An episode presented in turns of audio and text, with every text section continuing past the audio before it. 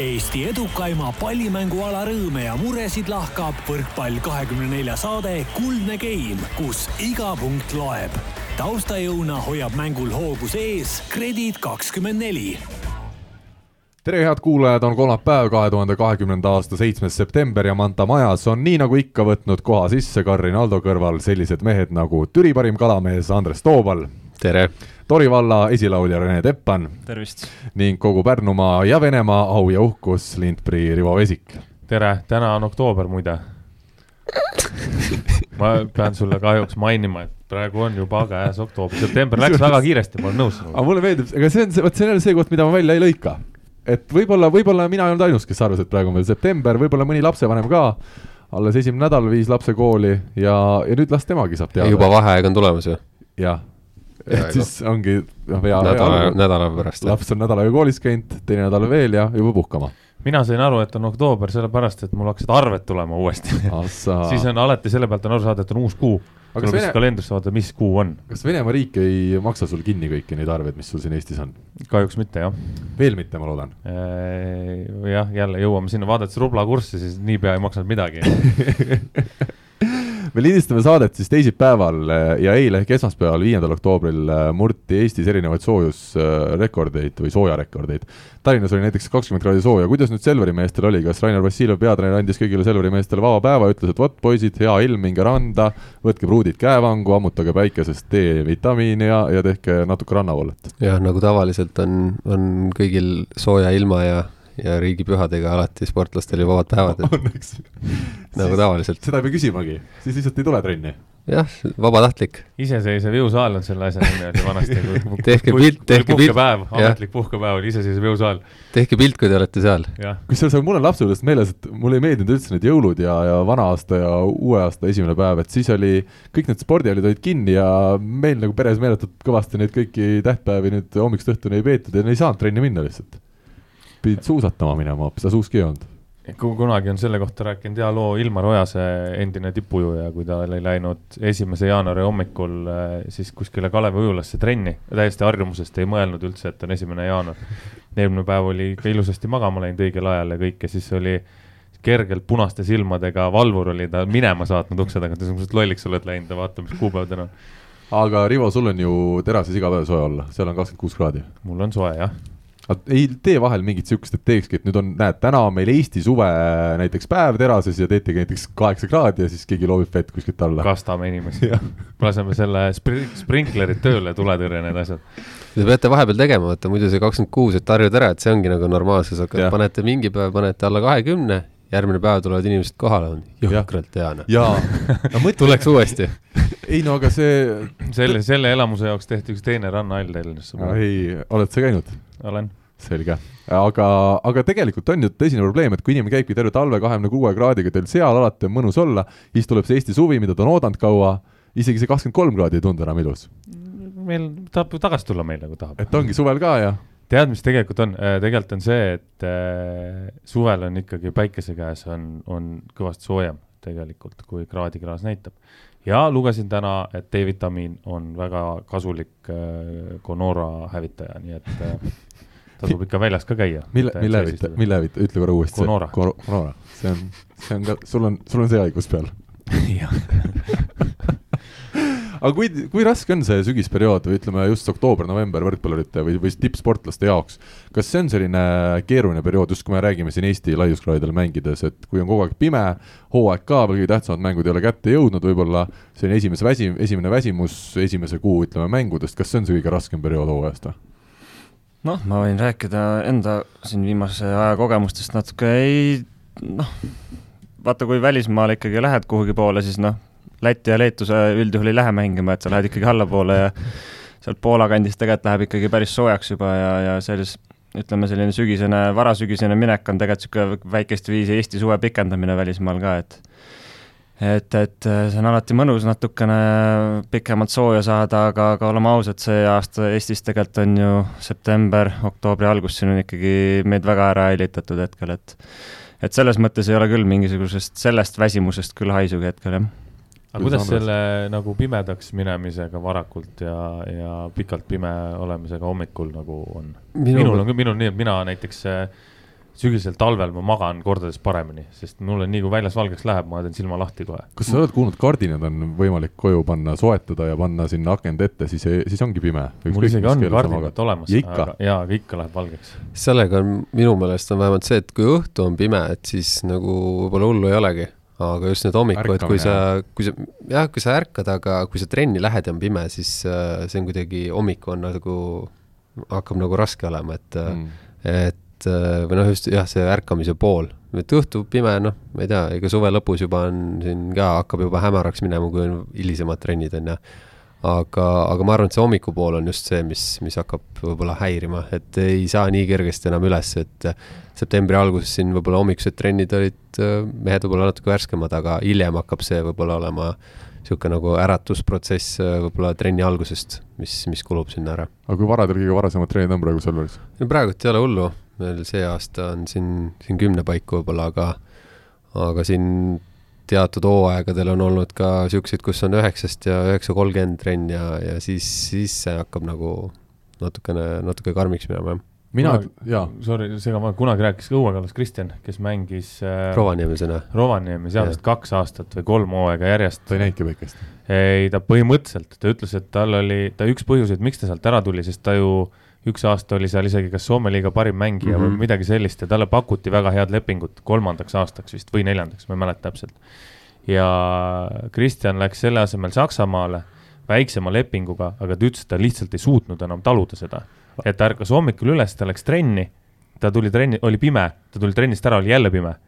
et täpselt see põhimõtteliselt kaks tundi, mis hommikune nikerdamine seal käis oli see aeg, kus oli päike. aga sa tead, ma olen ka kuulnud lugu, miks ta pärast esimest aastat ära ei tulnud sealt Soomest, sest nii pime oli ta näinud tulla võis olla ka, aga ma tean jah, et, et see, see oli ka, et, et Rovaniemi, nad sõidavad seal bussiga kogu aeg onju ja siis äh, ütleski reaalselt kogu aeg pimedas sõitsid autoga, et sa ei näinud isegi välja, et kuhu, kus sa oled või noh, bussist sa välja ei näe, et siis äh, noh, lihtsalt oledki kogu aeg pimedas, kuskil reisid, aga, aga midagi ei näe. aga kas tegelikult on ikkagi nii ka, et kui sa seda hooaega meeletult naudid ja on tore siis võib olla kasvõi november miinus ei, lihtsam on, lihtsam on, aga ega see on suht sihuke mm. karm. Muidugi saab, mina võin kohe öelda, et mina naudin küll, esimest korda võib-olla üldse oma karjääri jooksul. Ma ei mõtle absoluutselt, mis kuupäev on, mitu trenni mul hooaja lõpuni jäänud on. Täiesti ükskõik, väga mõnus on kodus olla tagasi. ja Rival on ka mõnus, ega need venelased sind enam väga ei tülita ka ei tülita jah.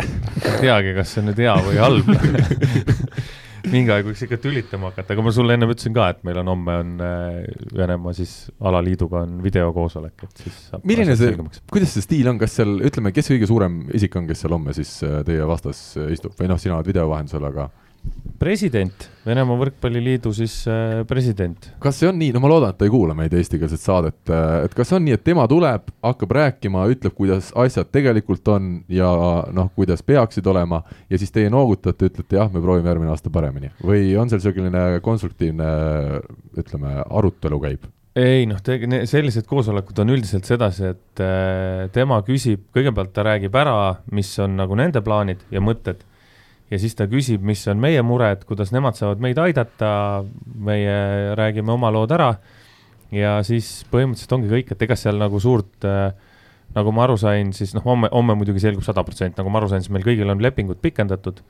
ja Teil on lepingud pikendatud nii, et te ise ei tea äh,? ei no mingi, midagi siin vahepeal ikka Aa, toimus. et sa oled nõusoleku andnud? jah. selge ja, ja siis homme siis räägitakse kõik ülejäänud pooled ära, et kuidas midagi toimub ja mis on seal toetajatega ja mida ei ole toetajatega ja mida meie tahaksime nende käest rohkem saada, mida vähem, et kuidas edasi minna. kas sa vahel ütledki, et, et eelmine aasta saime liiga palju raha, et andke see aasta vähem, et me saame tegelikult hakkama ka oluliselt väiksema summaga seda ütlevad nemad meile, et ah, tundub, et te saate summad, väiksemate summadega järgmine aasta hakkama, sellega me oleme alati nõus.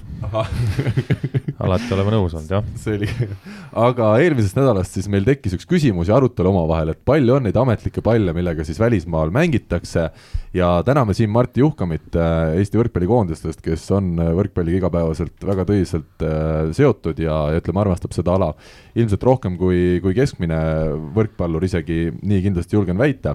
ja kokku me saime siis seitse ametlikku palli, mida nüüd FIVB ehk Rahvusvaheline Võrkpalliliit on nii-öelda aktsepteerinud, millega tänasel päeval võib siis nende poolt nii-öelda kinnitatud või lubatud liigades mängida ma ütlen ära ka, et on Mikasal on siin kaks erinevat palli, siis on Molten, siis on Kala, siis on mingi Sunshen ja Go, siis on Kambuchi, mis on Brasiilia oma, tundub, ja siis on Decathlon. Ja aga nii, et seitse meil pakkus, vaata Andres, eks ole? no vist. Vot sellised on, sellised on meil nagu meeste teadmised, tuleb, tuleb ilma ettevalmistuseta ja paneb, paneb täppi aga. aga me ei ole nõus selle tulemusega. sina vaidlustad edasi selle. kas sul Aivar Pilv, kes sul esindab sind? no sinul ei oleks iseenesest vahet. mul ei ole vahet, jah. Teppan võib olla vahet. ma olen äh, selle Teppani poolt, poolt., ma olen, ei, ma ei ole Teppan, ma olen selle poolt, et ma ei ole nõus ah, lihtsalt põhimõtte pärast. sest me vaatasime jah, siis mis, mis seal USA-s on, on ju. aga noh, USA ongi selles mõttes vist keeruline teema, et kui palju ta selle FIVB-ga nagu koondise tasemel on nagu seotud, aga ega mujal ei olegi. aga ei olegi midagi vist, jah jah, sest neil ju tegelikult ametlikku kui võrkpalliliigat ei olegi siiamaani. jah, ja vaata, neil on ju mingid teised reeglid isegi seal ju. ja, ja, ja seal see... vist mingi hetk mängiti kolmekümne kahe punktini geime ja, ja mingid asjad veel Müst,. müstilisi asju on seal, et Aha. siin peaks tõenäoliselt äh, vist, äh, kes naistest siis on käinud USA-s, et nemad teavad neid reegleid võib-olla natuke paremini, et siin. nii et Kadi ja Liis Kullergann, kirjutage meile. jah. või keegi. Nad ei ole muidugi ainsad, aga. jaa, ei seda küll, aga mm -hmm. nad kirjutavad kindlasti aga mis me siis saime teada, et USA-s on see üks Molteni pall praegusel hetkel, aga vist madalamates divisjonides on hoopis äh, Wilson, Wilson, jah. mõtlen Brasiilias ka äkki või? tahaks jubedalt mürki võtta, et seal mängitakse ka ikkagi Mikasa mingi... uuega, aga äkki, äkki esiliigas siis näiteks või? siin on jah, mingi Kambuchi SA Brasiilia on siin kirjas. see Penalti on see firma, mis on see pallide tootja ja, ja mingite spordiasjade tootja on see Penalti, mis sinna alla kirjutatud on, et äh, jah, ma, ma olen ka kuskilt video, video pealt kindlasti kunagi näinud, et nad on Mikasaga mänginud, kindlasti.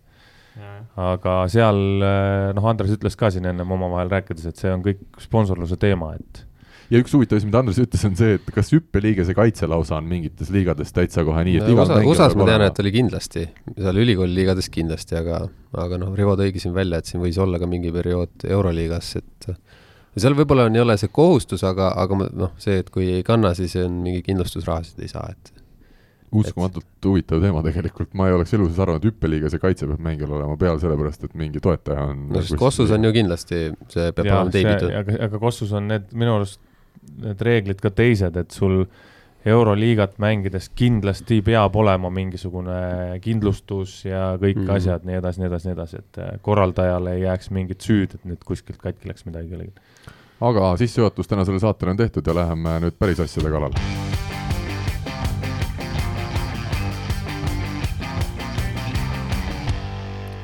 tuleme meie põhiteema ehk Grade kakskümmend neli meistriliiga juurde. nädalavahetusel siis Saaremaa võrkpalliklubi, mitte nädalavahetusel, vaid eelmisel nädalal kokkuvõtlikult äh, võttis siis kolm-üks võidu Tallinna Selveri üle ja Pärnut, Pärnust saadi veel kolm-null jagu siin pühapäeval ja üheksa punkti, ainuliider ja täisedu.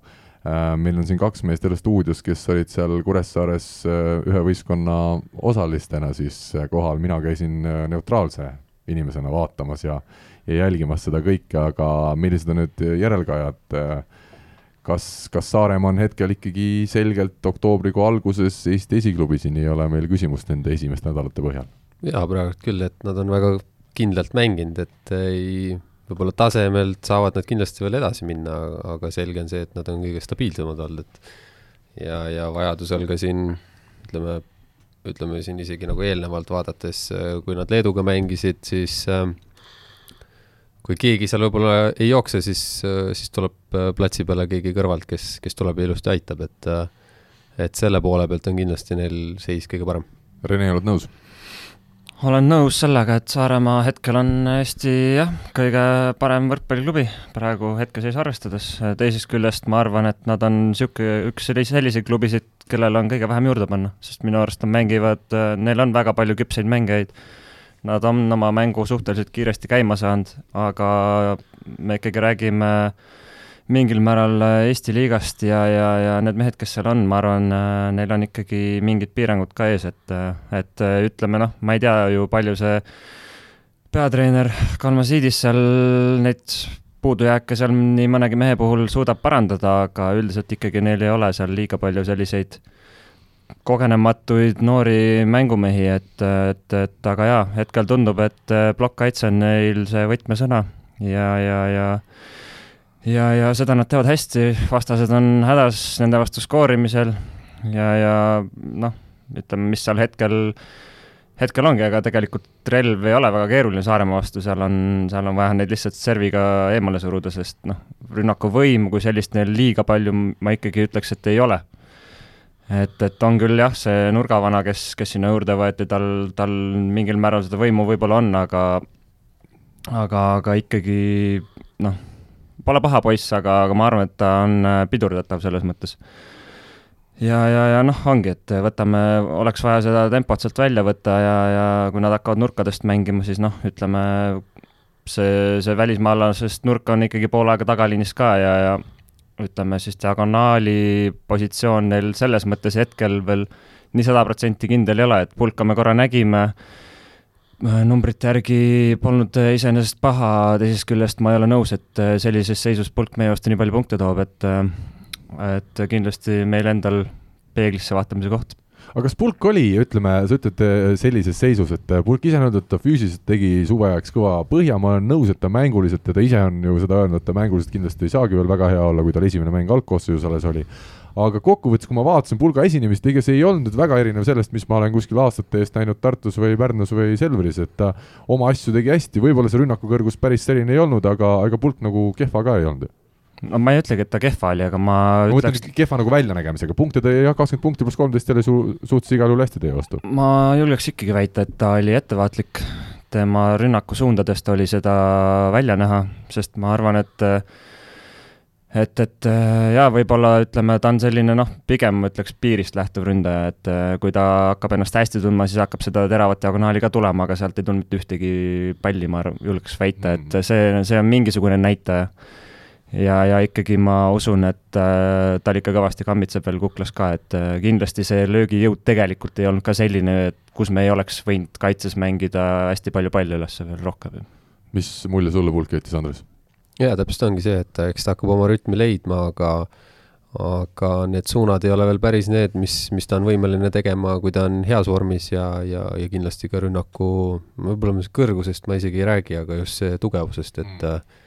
et selge oli see, et meie omalt poolt kaitsest peaksime, võiksime niisugused pallid kätte saada, mis, mis tulid sinna pikalt ja ja jah, ta võib-olla andis natukene niisugust enesekindlust üleüldiselt kogu võistkonnale, aga aga mitte nüüd niimoodi, et me ei oleks pidanud teda pidurdama, just nagu, nagu Teppan rääkis sellest. Rivo, sinu muljed Saaremaa võrkpalliklubi hetkeseisust ja, ja ütleme siin kas või Pulgast ja Vandro Dias de Sousast, kellest siis Rene siin mõni hetk tagasi veel rääkis tead, ma päris ausalt äh, neid mehi välja ei tookski, et seal minu jaoks oli, mõlemas mängus oli sidemängijate taseme vahe oli üsna suur, et see dušš ikkagi on, on hetkel nii palju parem kui Vanker ja, ja siis see Haabakoski on ju, ja, ja parem ka kui Marti Keel, et äh, pigem see, mina võtaks selle vahe sealt, et äh, ei, selles mõttes ma nõustun, et väga-väga palju oligi seotud sellega, et äh, sidemängija tegi väga-väga korraliku esitluse ja,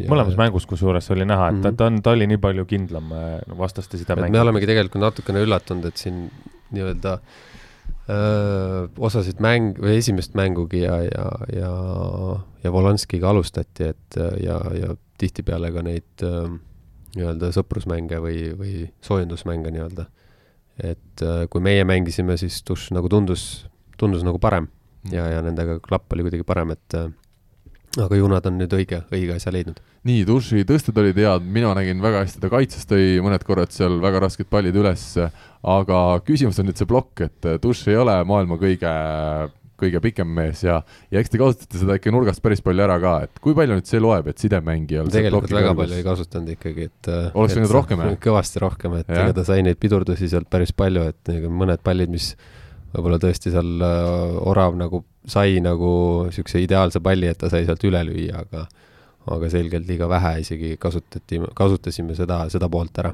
no Miks? fun fact äh, näiteks, äh, ma mängisin kaks pool game seda mängu, me ei mänginud side üks asetuses, kus mina ründasin nelja pealt duši vastu, ma ei saanud ühtegi palli mm.. seal oli, äh, oli paar momenti minu jaoks üsna niisugused otsustavad, ma praegu peast neid seise ei ütle, aga sellised otsustavad momendid, kus Selver sai kaitsepalli kätte ja tõsteti pigem ühe peale kui nelja peale selle sidemängija vastu, kes täpselt oli siis ees ja mida ma nagu jälgisin ka, et need olid need momendid, mida tegelikult kogenumad sidemängijad kasutaksid kindlasti ära, kui sa tead, et seal on, ongi kõige nagu nõrgem plokimees ees, et et siis ne, neid kohtasid oli.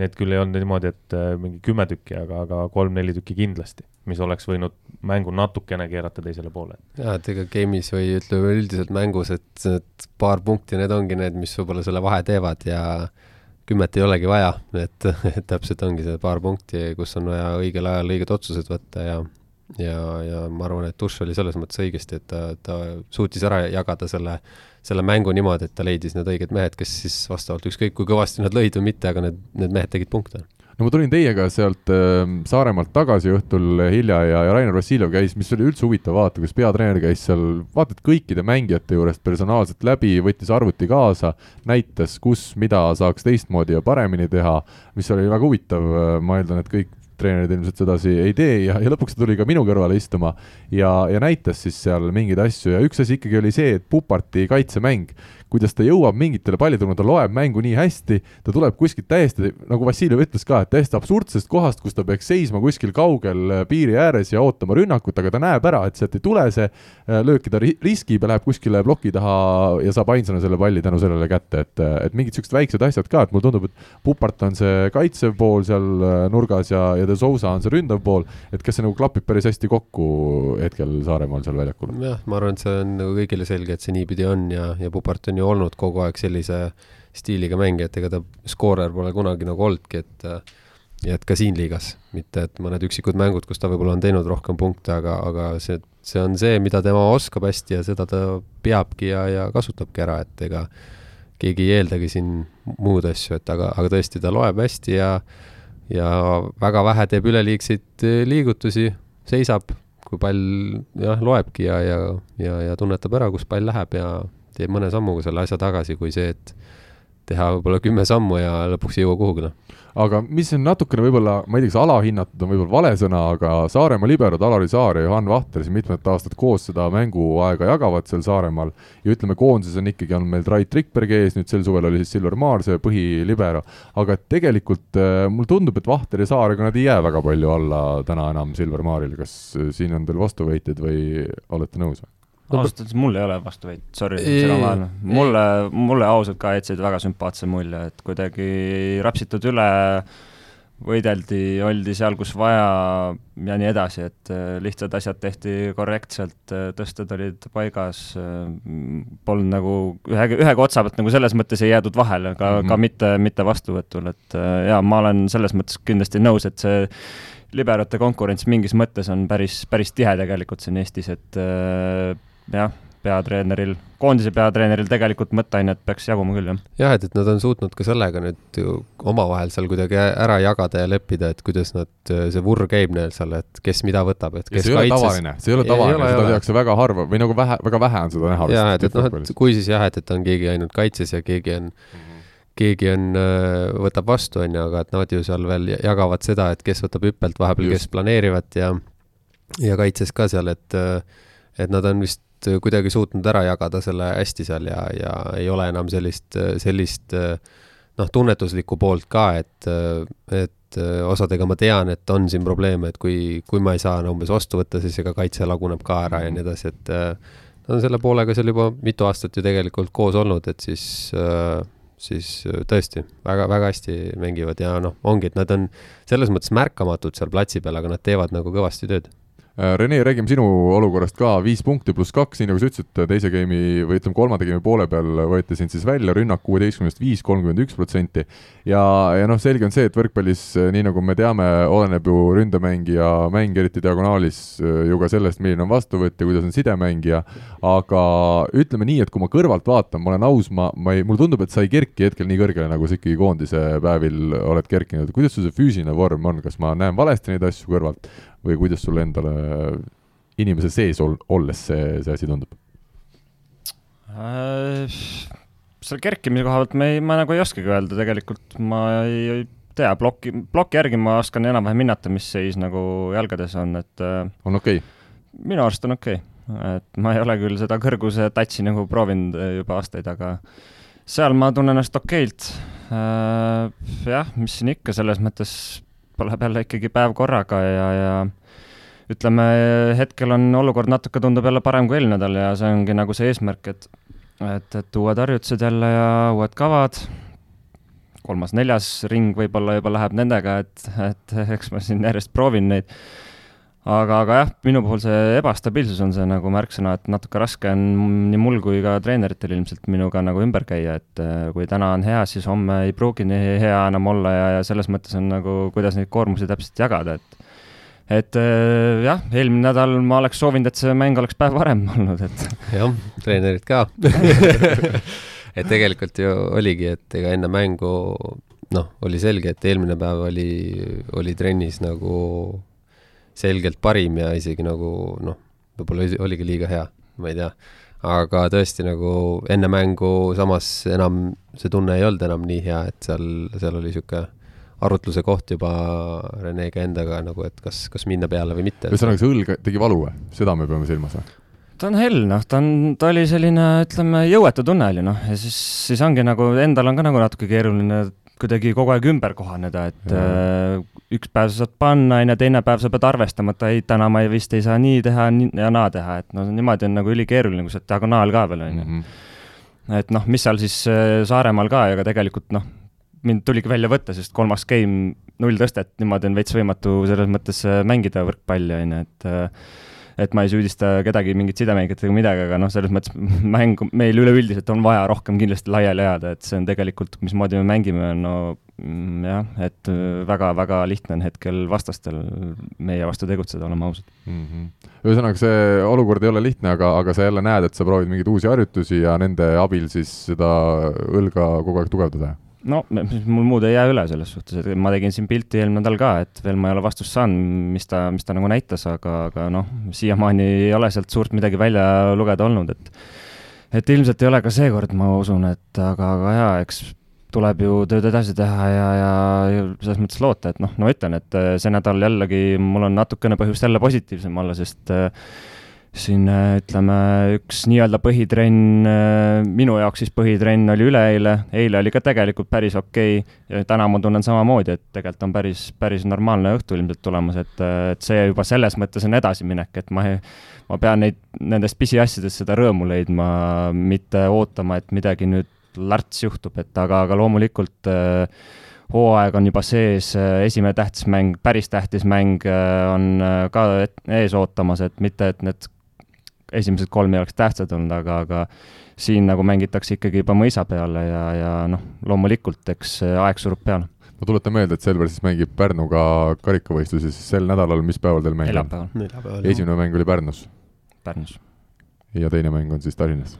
no tuleb nii välja üritan midagi Selveri mängust head ka, ka välja tuua või ütleme, mingeid noppeid tuua, siis seitsmeteistaastane Mark Saru ikkagi no tehniliselt ta on veel natuke krobeline minu arust, see kogu pealeminek ja, ja ploki osa, aga kui sa vaatad, kui võimas kuju ta on ja, ja seal ka mängus oli teie üks resultatiivsemaid efektiivsusnäitaja vist pluss kümme või midagi sellist, et äh, ma saan aru, et temporündajad mänge ära ei tee, aga aga midagi sellist natukene meeldivat ka kõrvale.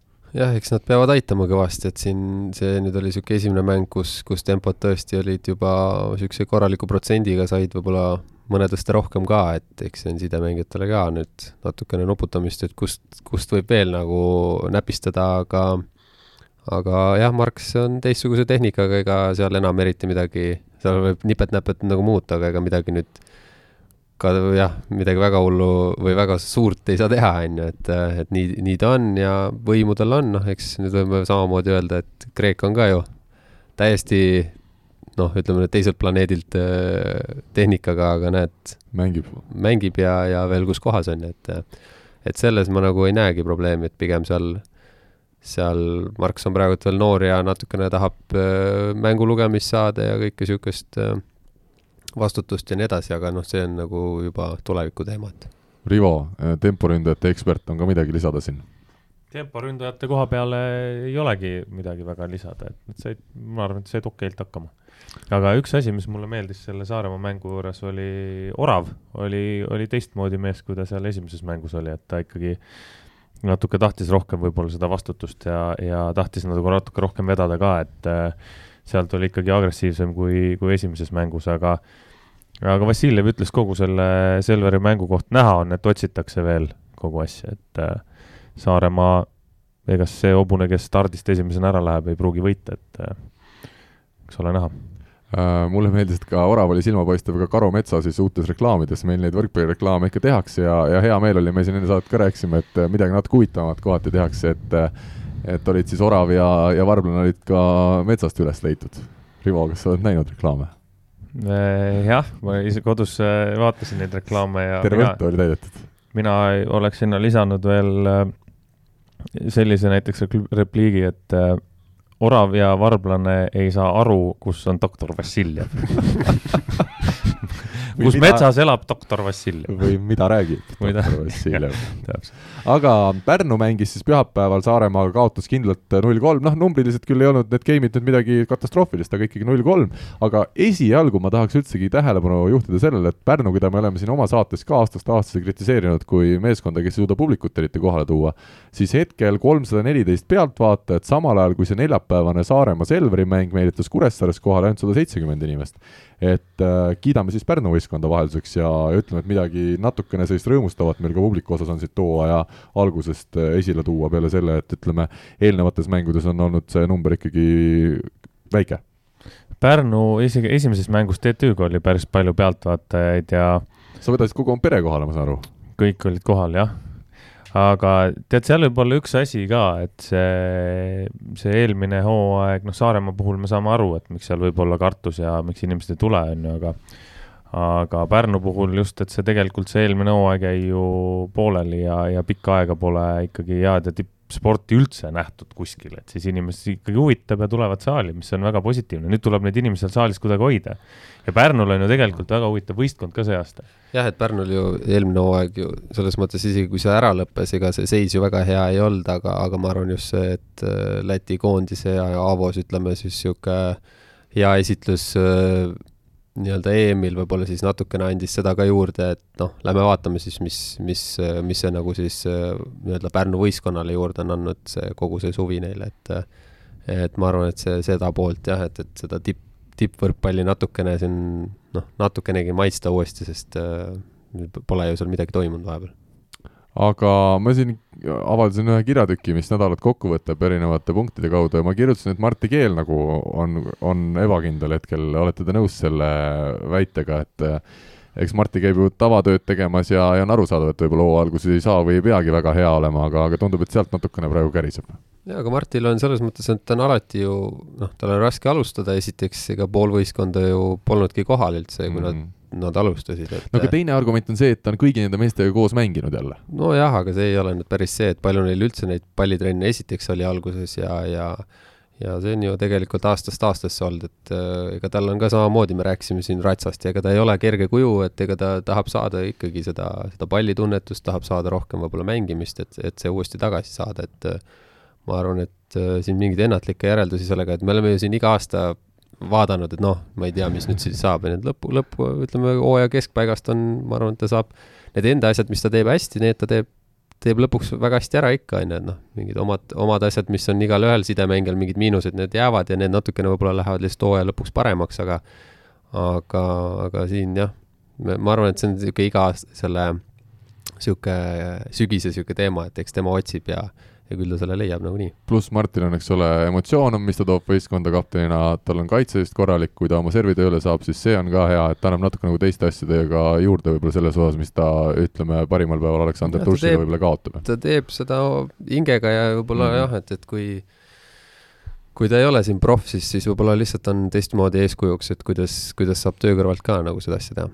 nii et Rivo, sinu kodulinn ikkagi on, on, püsib pildil, ütleme siis nii ma usun küll ja ma arvan, et siin, äh, kui ennem rääkisime sellest, et Saaremaal, kui palju seal on juurde panna, siis täna vaadates neid mänge, siis on kaks võistkonda, kus mina näen, kus on nagu väga palju juurde panna, üks on Pärnu, teine on Selver. et teised võistkonnad, TTÜ on, on noh, niikuinii, et nad peavad mängima kogu aeg väga heal tasemel, et hammustada kedagi, eks ju. ja teised, vastasvõistkond peab olema ka natukene siis, siis kehvemas seisus Tartu on mänginud ka noh, seal on ainukene see diagonaalründaja koht minu arust ikkagi veel küsimärk mm, -hmm. et Mhm. kas, kas Põlluäär suudab mängida lõpuni, kui palju tema saab paremaks minna. ülejäänud mehed mängivad enam-vähem nagu oma tasemel, nii nagu nad on kogu aeg mänginud, eks ju. palju sealt on üles minna, ma ei oska öelda, aga noh, Selver ja Pärnu on kindlalt näha, et sealt on, on tõusu. võib tulla veel tõusu kõvasti, et esimese teema lõpetuseks Riia Tehnikaülikool mängis siis teise Läti tippklubi Ekapilsiga nädalavahetusel ja Riia kaotas selle mängu kaks-kolm.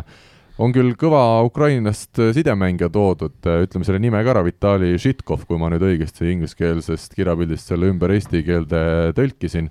ja, ja pidi olema hea mängijaga tegu ja vaadata, kus ta on varem mänginud Venemaa kõrgliigas ja vist Poola esiliigas, siis, siis see ka seda arvamust nagu kinnitab, aga aga Jekapils, kus siis on need Läti koondise noored mehed, Jekapils peaks olema lausa kuus Läti koondislast tänavu, mängis natukene siis otsustavas skeemis paremini, ma ei tea nüüd, kas Andres, sina vist ainus, kellelt ma siin saan põhjalikumalt küsida, oled sa natukene kursis või, või veel ei ole jõudnud jälgida võttesi? jah, ei ole hakanud üldse mingit väga suurt energiat sinna, sinna piiride taha veel panema, sellepärast et meil otseselt mänge ei olnud nendega ja üldse siin see kuidas nende piiridega on siin, et, et kui üle ei lasta, siis kellega sa ikka mängid.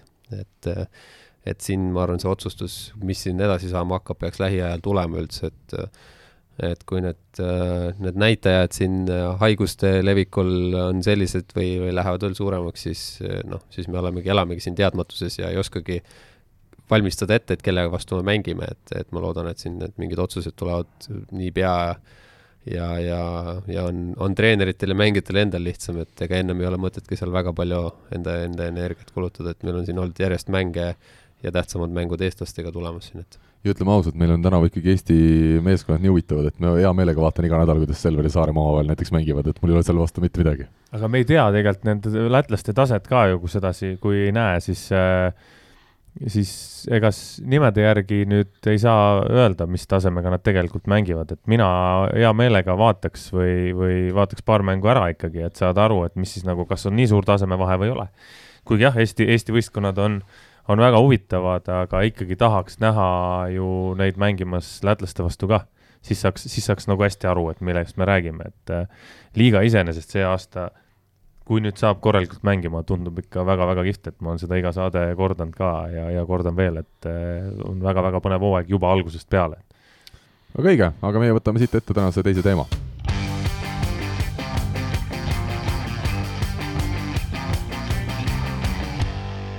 naiste võrkpallist ka, TalTech Tradehouse alustas Balti liigat äh, võiduga võõrsil Tartu Ülikool Bigbanki üle ja see võit oli ikka väga kindel, aga noh, seda oli ka eeldada, kui me arvestame ikkagi jätkuvalt seda, et äh, Tallinna Tehnikaülikoolis mängib ju suur osa Eesti koondislastest, äh, kes siin kodumaal on, ja aga üks, ütleme, huvitav moment on see, et et kuna see TalTech on meil komplekteeritud tänavu natukene teisteks eesmärkideks kui see kohalik Balti ja Eesti liiga või vähemalt nii oli ta komplekteeritud, siis Eliise Hollas ja Kristin Õlvak, kes elavad tänasel päeval Lõuna-Eestis, treenivad iga päev Tartus Tartu naiskonnaga, aga nüüd siis mängisid Tartus ta Tallinna Tehnikaülikooli eest ja, ja Eliise Hollas ju Eesti meistrivõistlustel mängib veel Võru eest, nii et see on selline mitte topeltagent, vaid tripelagent, et, et praegu päris palju on sellist müttamist olnud, et kuidas neid naisi nii jagada, et nad saaksid kõik kuskil trenni teha ja kuskil ka mängida, aga, aga meil tuleb vist olukorrast aru saada ja, ja võtta seda nii, nagu ta on. Nii on jah, et eks nii, see on just nagu me oleme siin iga saade rääkinud, et need plaanid läbi ei läinud ja, ja nüüd äh, jah, et eks see oli ju, taheti ju head, et need, need inimesed oleksid pikalt koos ja veel, veel rohkem mängiksid koos, aga, aga lõpp, lõpuks on jah, üks natukene segapuder seal praegult, et noh, jah, selles mõttes on hea, et nad mängivad koos ja see et nad üldse tunne... mängivad, ütleme, võtamegi näiteks Soolase ja, ja Nõlvaku, kes siin on, eks ole, planeerinud üldse enam mitte töiselt mängida. no vot jah, et, et koondise jaoks on nad hädavajalikud liikmed ja ja, ja eks neid tulebki hoida, hoida veel pildis ja, ja veel parem on, kui nad saavad nende samade koondislastega mängida või, või, või isegi noh, treenida oleks veel, veel parem, on ju, aga, aga arusaadav, et nad ei saa Eliise Ollas võiks meil olla siin viies saate, saate tegija iga nädal, ta räägiks meil täpselt, kuidas Võrus mängudel on, kuidas TalTechis mängudel on, kuidas Tartus trennides on, et see oleks ikka päris hea lisand meil siia. aga tegelikult on meil ju ka meestest sama, samu näiteid, küll mitte nüüd hilisemast ajast, aga ikkagi kümme, ütleme viisteist, kakskümmend aastat tagasi, kui eurosarjas laenatigi Eesti meistriliiga klubidest eurosarjas osalevatele klubidele mingeid mängijaid välja, kas Rivo, sina olid vist tol hetkel lausa tegevmängija veel? Jaa, oli küll ja, ja ka seda trenni tegemist nagu teistes võistkond, teiste võistkondade juures on enne ka olnud, et see ei ole, ei ole mingi uus asi ja see on puhtalt selline üksteise natuke austamine ja aitamine, aga see, et nüüd üks mängija mängib kahes võistkonnas korraga ja siis teeb kolmandas trenni, et see on, ma arvan, see on selline asi, mida pole kuskil e-, võrkpallis üldse maailmas enne juhtunud, et äh, võiks siis juba jagada Eliise Ollase selles suhtes ära, et las mängib iga nädal erinevas võistkonnas jaa. ma võib-olla valetan, aga tegelikult on meestes ka üks niisugune näide. nii? võib-olla, ta tegi seda aasta varem ja see päris ei klapi, aga minu arust oli selline olukord, kus äh, Audentese päevil mängisime karikat äh, noortekoondisega, vastaseks oli Selver ja seal mängis ka Robbie ja, ja samal ajal ta oli minu arust Võru hingekirjas ja me tollel aastal vahetasime Robiga, emb-kumb sai käia ka Selveris trennis. ahaa. ja oli äh, küll jah, oli, oli, ma mäletan ka seda äh,. aga see oli. mõtlen, kas karikamäng oli äkki ikkagi aasta varem, enne kui ta mäng-, mängima hakkas Võrus? ei no siukseid asju on olnud küll. võimalik et, jah et trennis ikkagi kuskil jah, aga nii, et kolmes erinevas linnas, see on vist küll ainulaadne. jah, aga see oli, vaata, see on see koondise, noortekoondise teema, et seal on mm. nad niimoodi ära jagatud sest ma isegi olen olnud äh, Pärnu, Pärnu võistkonnas, samas äh, Selveris olen olnud äh,, Selverit olen esitanud ka ühes Euroliiga mängus.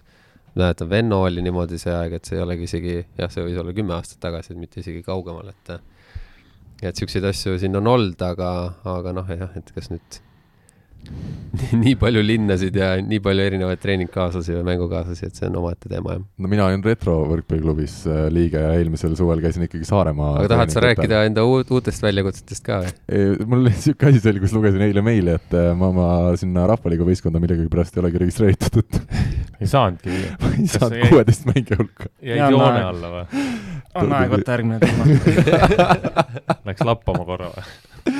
Aga ma olen mõelnud ka sedasi, et mis oleks, kui saaks peatreeneri võtta, ütleme kaasa euromängudele mõnest teisest klubist, et, et vaatadki, et äh, näiteks Kalmasiidis vaatab, et Saaremaal oleks vaja nagu natuke sinna juurde kõrvale mehi ja võtabki Vassiljevi ja, ja Rikbergi näiteks kõrvale noh, skaudi laenamine tundub ainuke loogiline tegevus, et ülejäänud äh, tundub niisugune, et noh, pigem ei. pigem ei, jah, ei ole kuidagi adekvaatne.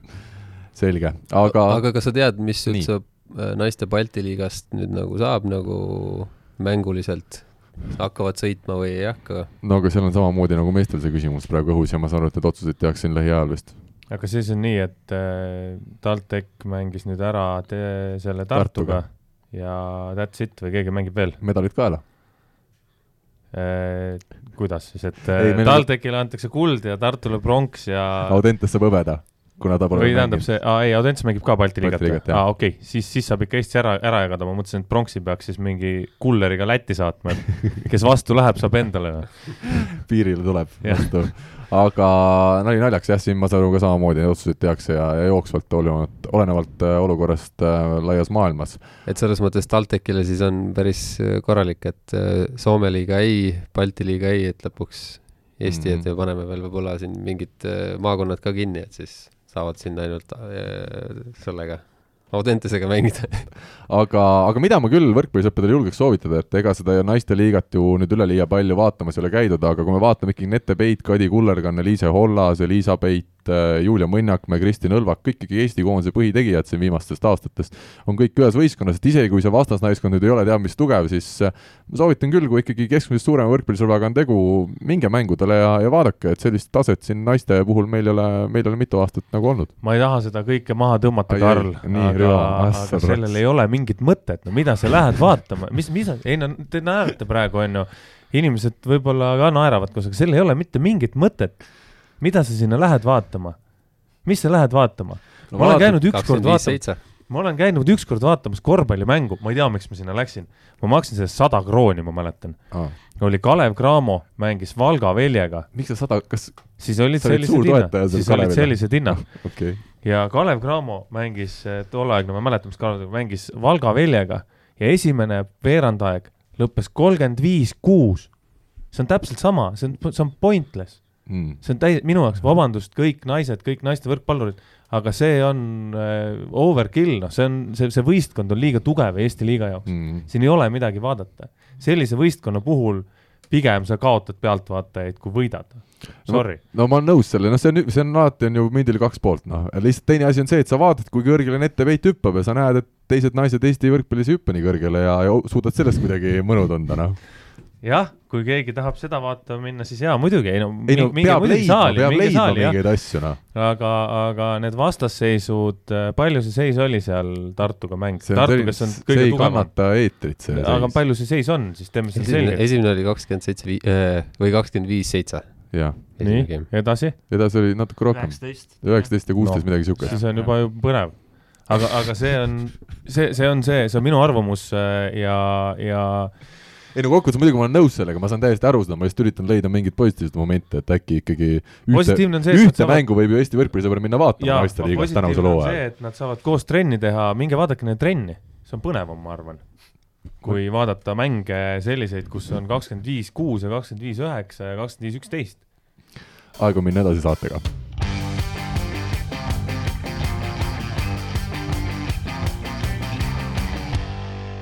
nii, kuna teised mehed ei suuda praegu enam rääkida peale minu väga karme kommentaare naiste võrkpalli kohta, siis äh, juhatan ise järgmise teema sisse. Oliver Venno siis äh, on suutnud võita äh, Katari meistrivõistlused just. ja seda juba peale seda, kui kaks nädalat on hooaeg käinud ja Venno tõi võimsad kakskümmend kolm punkti kolm-null võidumängus äh, oma politseivõistkonnale, nii et äh, palju õnne Oliverile siitpoolt keda nad võitsid, politsei? uh,. mis see tõrjujaid. võistkond on? Al-Arabi. Al-Arabi jah, tubli. kõlab nagu pasta. aga no selgitame asja siis ka. kui eelmisel nädalal mängiti Kataris välja siis selline tore liiga eelmise aasta siis äh, võitjad, kus tohtisid mängida ainult kohalikud mehed, siis sel nädalal ei mängitud mitte seda, kus ainult välismängijad tohtisid mängida, vaid mängiti siis sellised, kus kõik mehed tohtisid mängida. ja Oliver siis sai ka oma esimese mängu selle, selle meeskonna eest kirja, tõesti nagu Rivo ütles, kakskümmend kolm punkti ja ega ma ausalt öeldes midagi palju pikemat siin ei oskagi öelda, et ma tean, Al-Arabis on ka paar äh, tuntud mängijat ja Renega me eelmises saates ka sellest rääkisime natukene, aga ega siin vist pikemalt millalgi peatuda ei ole, soovime õnne Oliverile ja, ja loodame, et see hooaeg tuleb, tuleb põnev. tähistaks ikka. tähistaks, seal kusjuures tähistamine, ma vaatasin, oli tore, minu arust ühtegi pealtvaatajat ei olnud või ei tohtinud olla. ei, minu arust teised, kõik need kohalikud mehed, kes tõid seal null punkti ja kaks punkti, kõik vehkisid seal kätega seal autovõistlustseremoonial, tõmbasid karika üles, siis Oliver oli seal tüüpine Eesti mees, seisis seal taga kuskil plakati ääres ja vaatas, et millal minema saab. saanud, ma arvan, et Oliver Venno on nii kõvades võistkondades mänginud, et ega väga ta aru ei saanud, et mille üle nad seal rõõmustavad nüüd, et vastas on mingisugused tüübid, on ju, okei okay,, selge, võitsime ära, võitsime ära, et lähme oma eluga edasi.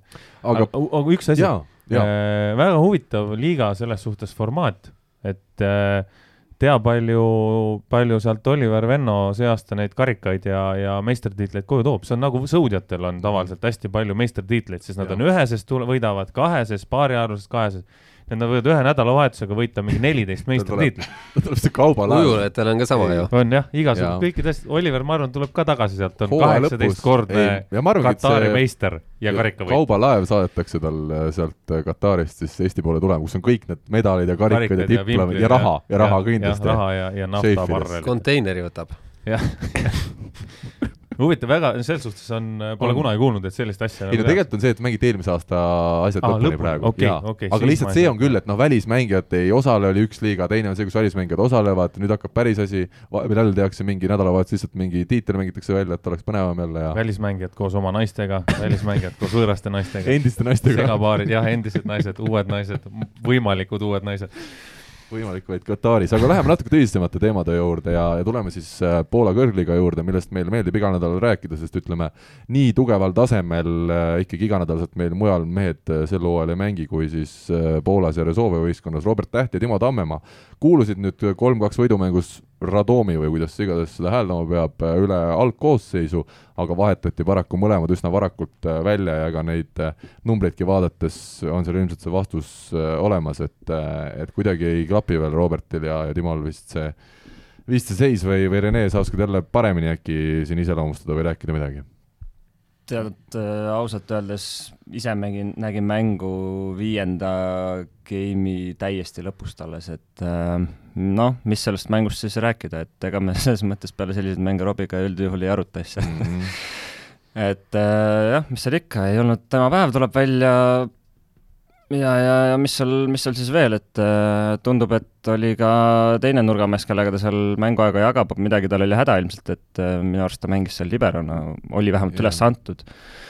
ja siis tuligi see neljas nurgamees, tuli siis nii-öelda paremuselt neljas tuli tema asemel lõpuks mängu ja mängis lõpuni. jah, tuli, tuli vana nii-öelda raudvaravõistkonnal Rahva Pušek, et äh, ta on tegelikult kunagi väga kõva mees olnud, et noh, ilmselgelt ega ta praegugi paha ei ole, aga võib-olla lihtsalt seda võimu enam ei ole sellist nagu kunagi, et aga aga tegi ja tuli ja hästi mängis selles suhtes, et vähemalt numbrite järgi, nii palju kui ma peale mängu nagu siis vaatasin, et, et et aga jah, ütleme seal kolm-kaks võit äh, oli juba ära minemas tegelikult vastastel seal oli isegi matš pall lüüa korraks, aga, aga, aga jah, ütleme, ütleme, et siis pääsesid ehmatusega seekord mis sealt nagu tundus selle lühikese aja jooksul, et, et noh, eks, eks ser-, servi nii-öelda target oli, oli selge vastastel, seda Sebulli seal otsiti, Sloveenia koondise nurgaründaja, et, et seal midagi imekspandavat kindlasti ei olnud, et ta ilmselgelt on seal võistkonnas võib-olla kõige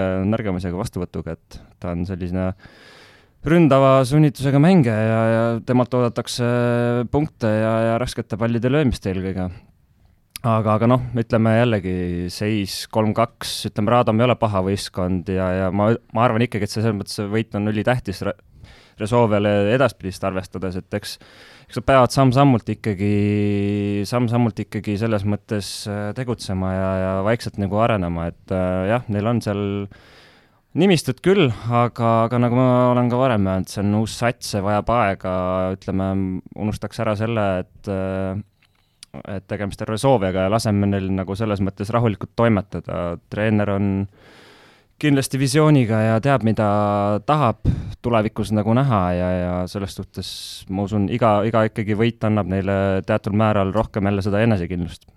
Äh, mul tuleb siin selle vahetusmängijaks olemise teemaga meelde üks eelmisel nädalal siis Indrek Pulga poolt öeldud lause, et kui ta eelmine hooaeg seal Jamonis Prantsusmaa tippklubis mängis, et ta sai talvel lõpuks aru, et oligi võetud Julian Winkelmülleri kõrval lihtsalt teiseks diagonaaliks ja treeneril ei olegi sellist mõtet või kavatsust või plaani, et äkki annaks mingil hetkel pulgale võimaluse, et kas nii konkreetselt valitaksegi mingitesse võistkondadesse mehi, et ükskõik, kuidas Winkelmüller ka mängib, et pulk lihtsalt väljakule ei pääsegi?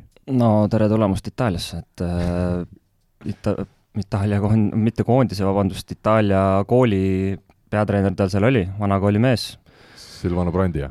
jah, et hetkel ta on Bulgaaria koondise eesotsas ka minu arust endiselt veel, et, et aga täpselt niimoodi Itaalias põhimõtteliselt tehaksegi. et äh, A ja B võistkond ja, ja, ja siis ongi olukord selline, kus äh, kui midagi peaks juhtuma ühel või teisel, siis äh, noh, visatakse sind lihtsalt tulle ja uju välja, et ma olen seda ise päris, päris, päris palju saanud oma nahal tunda, see ei ole kindlasti lihtne, pulgal oli see selline esimene tundmine ilmselgelt äh, see ei ole lihtne, eriti vaimselt, sest siis, kui sa selle võimaluse saad, siis on olukord selline, kus sidemängijaga sa ei ole kokku mänginud mm, -hmm. teisest küljest äh, mängijad väljakul ei tunneta sind, ei usalda sind veel piisavalt, noh, arusaadavatel põhjustel, et, et eks iga asi tuleb nagu selles mõttes välja teenida ja, ja aga noh, ütleme, arvestades seda Vinke Müllerit kui sellist eelmisest aastast, noh, ütleme, mina ei oleks treenerina kindlasti jah, niimoodi käsitlenud seda asja, sest et minu arust ta ei ole nii, nii nagu selles mõttes vinge diagonaalründaja, et ta on omapärane, tal on ängleid, ta suudab palli keerutada, aga ta ei ole kindlasti mees, kes kindlasti paneb sul iga mäng kakskümmend punni, et see selles mõttes, mingis mõttes see pahameel nagu on mõistetav, teisest küljest ma ei olnud iga päev seal trennis kohapeal, ma ei näinud, mis seal toimus, võib-olla vaimselt vajus, vajus pulk nii ära, et trennis, trenni põhjal polnudki üldse põhjustada arvestada mängudeks, et ma, ma ei tea seda, aga, aga ütleme, mina nägin teda meie vastu mängimas, siis ta mitte küll väga pikalt ei mänginud, aga, aga tegelikult tegi oma asjad selles mõttes enam-vähem ära tuleme siit nädala tsitaadi juurde ja ütles siis Saaremaa võrkpalliklubi uus nurgaründaja Vandor Dias de Sousa, et kui ma saan võimaluse jääda Saaremaale kaheks kuni kolmeks aastaks või lausa lõpetada oma mängijakarjääri kunagi siin, siis see oleks suurepärane. Et nagu ütlesin, on selliseid klubisid raske mujalt leida, kas ütleme, kahe kuu põhjal selliseid lauseid legionärilt, kas see on äh, selline ütleme, brasiillal, brasiillasele omane emotsioonide ülevoolavus või, või kuidas te hinnate, et kas kahe kuu põhjal tegelikult saab aru, et, et näed, siin võiks aastaid olla? No ma võin paari sõnaga, siis ma lasen teistel pikemalt rääkida, Rivo tahab mul juba kindlasti midagi öelda. et täna on see väga ohtlik kommunikatsioon. et äh, jaa, loomulikult äh, lõunamaa vennad ja üleüldiselt spordis asi, mis mulle tegelikult eriti ei meeldi, on selline keerutamine ja, ja umbes kiida seda, kes sulle leiba maksab, jah, loomulikult sul on mingid piirangud nii meedia kui kõige ees ka, aga mulle selline noh, ütleme eesti keeles välja siis B-lakkumine tegelikult ei, ei meeldi absoluutselt, et äh, ma ei tea, jäägem meesteks, olgem, olgem ausad ja noh, tõesti, et äh, tore, kui talle meeldib, aga no ilmselgelt on raske uskuda, et ta peale, ütleme, poolteist kuud siin veedetud aega nüüd ütleb, et oh, see ongi nüüd see, kuhu ma, ma ei tea, elama tahan tulla mm. -hmm. sa ei ole õigesse klubisse sattunud siis võib-olla. aga ma tahtsin nüüd sinna jõuda, et esiteks muidugi ma olen nõus, et kui see äh, Sousa lõpuks seda Eesti talve näiteks näeb, et meil siin ongi mingi aeg, kus seda päikest ei tulegi välja ja siis kevadel kui lähed ära, siis tuleb lõpuks jälle välja. et siis on see kindlasti arvamus ka võib-olla teine, aga kui me võtame sellest sõnasabast kinni, et kas siis Saaremaal ju tehakse neid asju hästi, me oleme siin Teppaniga rääkinud, me oleme siin, mina olen rääkinud kõigi Eesti, ütleme, välismaal mängivate võrkpalluritega, kõik nad ütlevad ikkagi, et välisklubides enamikes, kus nad on Pulgaga mänginud, Pulgaga olen rääkinud, äh, on veel mehi, et neid äh, asju ei tehta seal välisklubides nii, nagu meie eestlastena arvame või eeldame, kui tegu on Eesti klubist oluliselt tugevama või maailma tippklubiga, et, et igal pool on mingeid vajakajäämisi, kus sul ei tehta neid asju ära.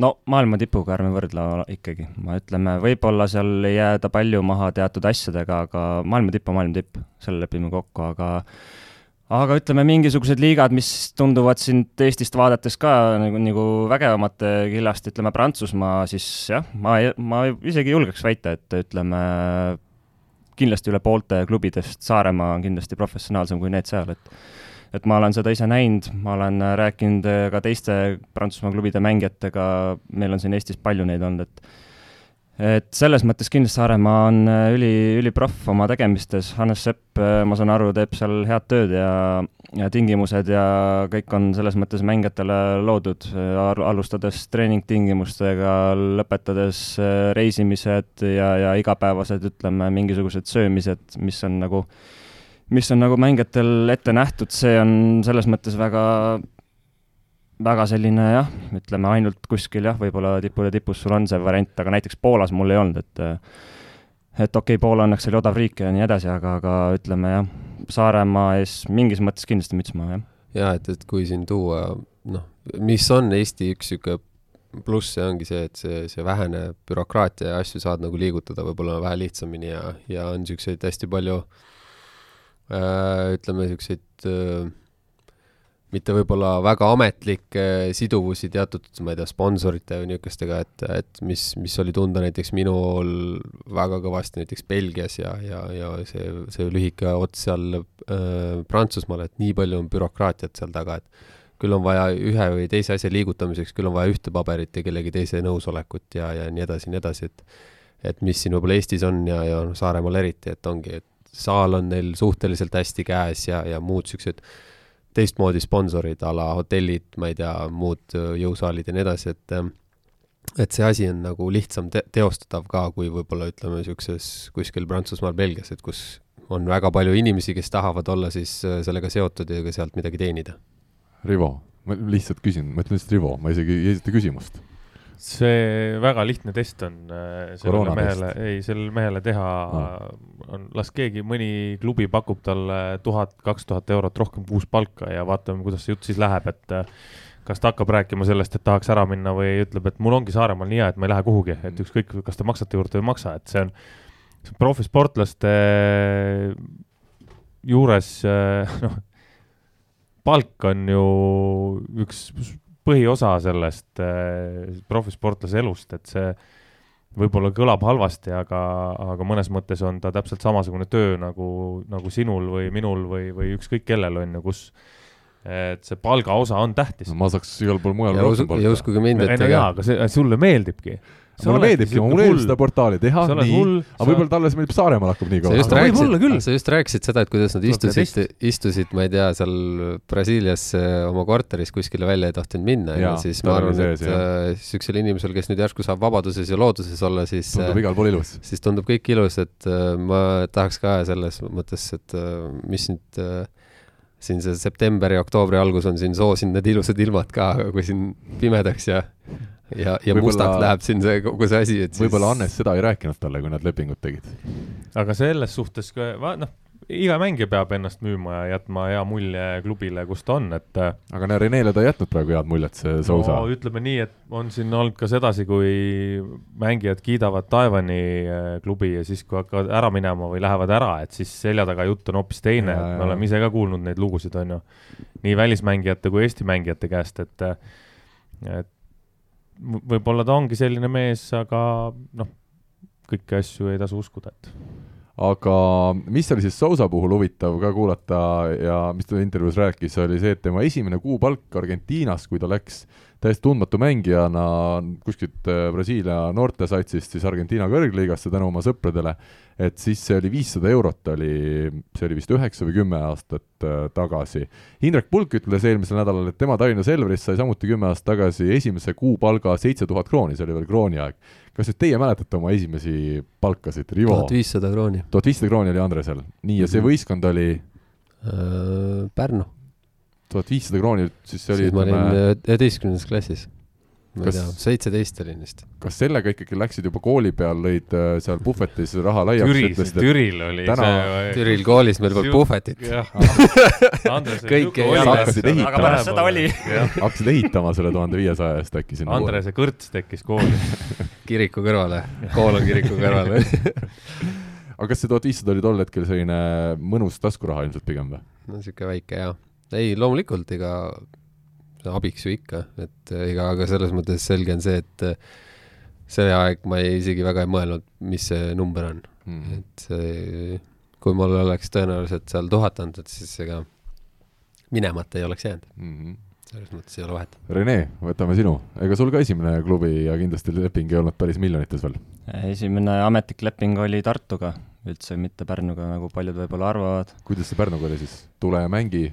Pärnuga oli niimoodi, et äh, see oli täpselt enne, see oli seesama suvi, kui, kui, ma otsustasin Tartusse minna. Või noh, Robiga me otsustasime, kus me lähme.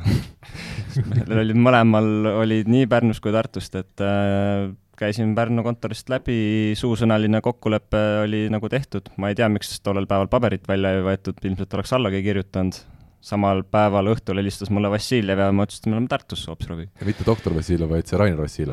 Kuigi mõlemast on täna juttu olnud. jah, et äh, minu esimene palk oli samamoodi viissada eurot, korra päevas süüa ja korteriüür oli kakssada kakskümmend eurot kuidas sa omadega toime tulid? Te elasite üksi elasite korteris või? Robiga koos, aga no. ütleme ikkagi ausalt, et vanemad toetasid, jah. ahah, aga ütleme siis teine hooaeg oli juba teine number või sul oli seal mitmeaastane leping? teine aasta, ei no mul ikka võimsalt tõusis, sada eurot aastas ikka tõusis siis oli juba lõbu laialt jälle ei olnud mingit lõbu laialt, aga, aga jah, ma sellel hetkel tekkis pruut ja, ja siis oli vaja natukene mehe ees ka juba väljas siis võtsid laenu laenu ka ei võtnud, aga kui ma ei eksi, siis enam vanemate käest ma sellest hetkest alates ei küsinud võib-olla, jah. ja pruudiga läks ka sinna, sinna sisse tol hetkel mm,? seda enam mäletan Rivo, sina, kui sa seal Pärnus seal varumeeste nurgas istusid või seisid või kõhulihaselt tegid, palju selle eest maksti? no paku Nii, esimene palk, paku. see oli sul kakskümmend, ütleme siis kakskümmend kaks, kolm aastat tagasi, midagi sellist? ma arvan, et see oli aastal üheksakümmend viis või üheksakümmend kuus, võib-olla. viieteist, kuueteistaastasena juba? jah, midagi me sealt saime jah, esimene, esimene aasta niimoodi. nii, ja sa olid Pärnus? jah, me olime pool sihuke esiliigas ja pool seal niimoodi Pärnuga tegime mingeid trenne kaasa. ma arvan, et sa said kaks korda kuus tasuta Sunseti sisse ei, seda ma siis niikuinii kogu aeg. aga, aga no paku.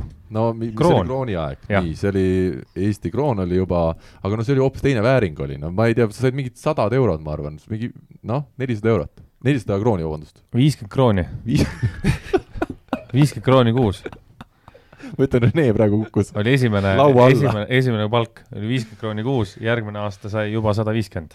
aga mis sa selle viiekümne, kuidas see oli, kui sa läksid, ei no meil lihtne, vaata, me elasime kodus ja, ja see viiskümmend krooni oli sellel ajal noh, ikkagi midagi ta oli, on ju, ja oligi palju keskmine. palk võis olla tol hetkel üheksakümne viiendal, ei mäleta, üldse ei mäleta, aga sada viiskümmend krooni järgmine aasta oli, oli ka noh, nii ja naa ja siis mingi hetk äh, tulid need legendaarsed igasugused, igasugused läbirääkimised, kus äh, Sten Esnale, kes tollel hetkel oli juba ikkagi noh, korralikul tasemel liberdi põhimängija Pärnus põhimõtteliselt on ju.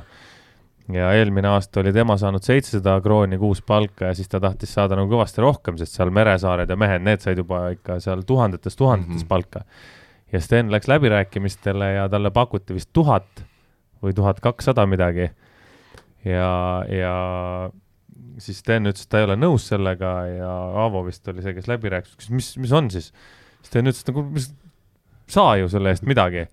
Aavo ütles, mingi paari teksaseid ikka saad. Ja Sten ütles peale seda kokkusaamist, et ma pole elu sees üle saja krooniseid teksaseid ostnudki, et ma ei teadnudki, et nii kallid teksased olemas on. siis Aavo ütles, no mingi paari teksaseid ikka saad. et äh, jah, siuksed lood, vaikselt. et need Kreisi raadio see läbirääkimiste videoklipp, et see on, ütleme Pärnu võistkonnast võib-olla isegi ajendatud. põhimõtteliselt jah, fifty you ja sixty me ja why not. What you my name you. is, nii okei okay,, aga kuivõrd äh, tähtis või kuivõrd, noh, tähtis on ta muidugi, aga kuivõrd keeruline on ühe mängija jaoks palgaläbirääkimised, võtame tänase päeva, mina ütlen ausalt, et kui ma ka ütleme, suures meedias töötasin ja, ja kord aastas seal suure bossiga käisin neid äh, palgaläbirääkimisi rääkimas, siis äh, käed higistasid ja ma olin oma plaani välja mõelnud, mida ma ütlen, kuidas ma ütlen, et ma nüüd tahan kaks korda rohkem palka saada ja siis lõpuks sain seal ka sada või kakssada juurde. et, et kuidas, kuidas teil need äh, kogemused on, on need positiivsed kogemused, kui läbirääkimised, no teil on vist agendid, ma saan aru, see käib sealtkaudu või? Eestis me ei käi, omavahel küll ei käi, et noh, kui välismaal lähed, siis loomulikult, aga, aga minu meelest on see klassikaline lause see, et et me ilgelt tahaks, et sa tuleksid, aga ega meil raha ei ole. mm, -hmm. et noh, et siis me teeme heategevust, põhimõtteliselt öeldakse. jah, et ja noh, mida vanemaks sa saad, seda nagu see idiootsemaks see nagu see lause läheb tegelikult on ju, et et noh, noortematel ongi, et siis võib-olla oli endal ka suva on ju, et noh, mis seal ikka, et noh, lähen mängin ära ja järgmine aasta siis saan uuesti võib-olla natuke juurde, aga aga mingi maal oled sa sellises etapis, et et järgmistele meestele pakutakse see- seesama, et kuule, tule, et mängi, mängi odavalt ära. Et eks see on niisugune selle nagu see pahupool, et ega siin saab, peab klubidest ka selles mõttes aru saama, on ju, et eks, eks nii ongi, on ju, et võib-olla seda raha ei olegi niimoodi, aga ja mida rohkem sa jähtad, seda rohkem sa tahad paremaid mängijaid võtta omale noh, jah. või noh, ütleme juurde võtta, noh. mm. -hmm. et eks see, see pool on keeruline, aga, aga loomulikult, eks sa pead äh, tihtipeale võib-olla pead, pead enda, endale selgeks tegema, mis sa nagu tahad, mis on su need soovid, on ju, ja, ja kuhumaani sa võib-olla suudad nagu lasta enda seda hinna ka, on ju, et eks äh, ja, ja kindlasti arvestama sellega, et äh, teatud jutud võib-olla jäävad õigel ajal rääkimata Mm -hmm. ja, ja, ja väga-väga selgelt ja kindlalt tegema endale selgeks, mis, mis need tingimused siis on ja, ja ja kui isegi midagi, midagi rääkimata jääb, et siis kuidas sa seda saad neil nagu hiljem ära rääkida, et äh, eks, eks see, see asi käib sinna juurde. Rene, kuidas tippklubides on, kas ütleme, agent sulle kohe alguses ütleb, et näed, tunneb äh, Poitier sinu vastu huvi ja nende see palga, ütleme, mingisugune summa on need ja need äh, numbrid või, või see palga läbirääkimised, see, kui suur see number lõpuks on, see on see viimane etapp?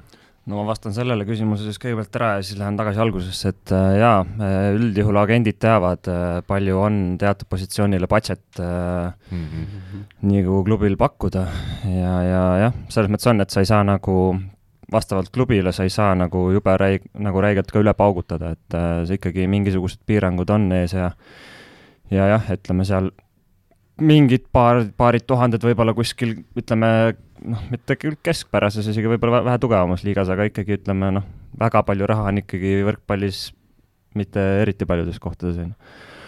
aga tulles tagasi selle agendi ja selle värgi juurde, et äh, ma olen tugevalt seda meelt, et Eestis peaks olema keegi, kes äh, kes nagu korrigeerib noormängijate lepinguid. kas või minu enda leping, äh, mulle tundub tänasel päeval ebareaalne, et mina, kaheksateistaastane nagagas ei tea võrkpallist mitte midagi nagu selles mõttes paberi ja noh, ma ei teadnudki tegelikult võrkpallist mitte midagi tuli välja pärast, et äh, aga aga mina lähen, ütleme, kuskile Tartusse ja, ja mulle räägitakse pudrumäed ja kapsad kokku, ma ei ole kunagi võrkpalli mängimisest raha saanud, mulle viissada eurot tundub ulme asi.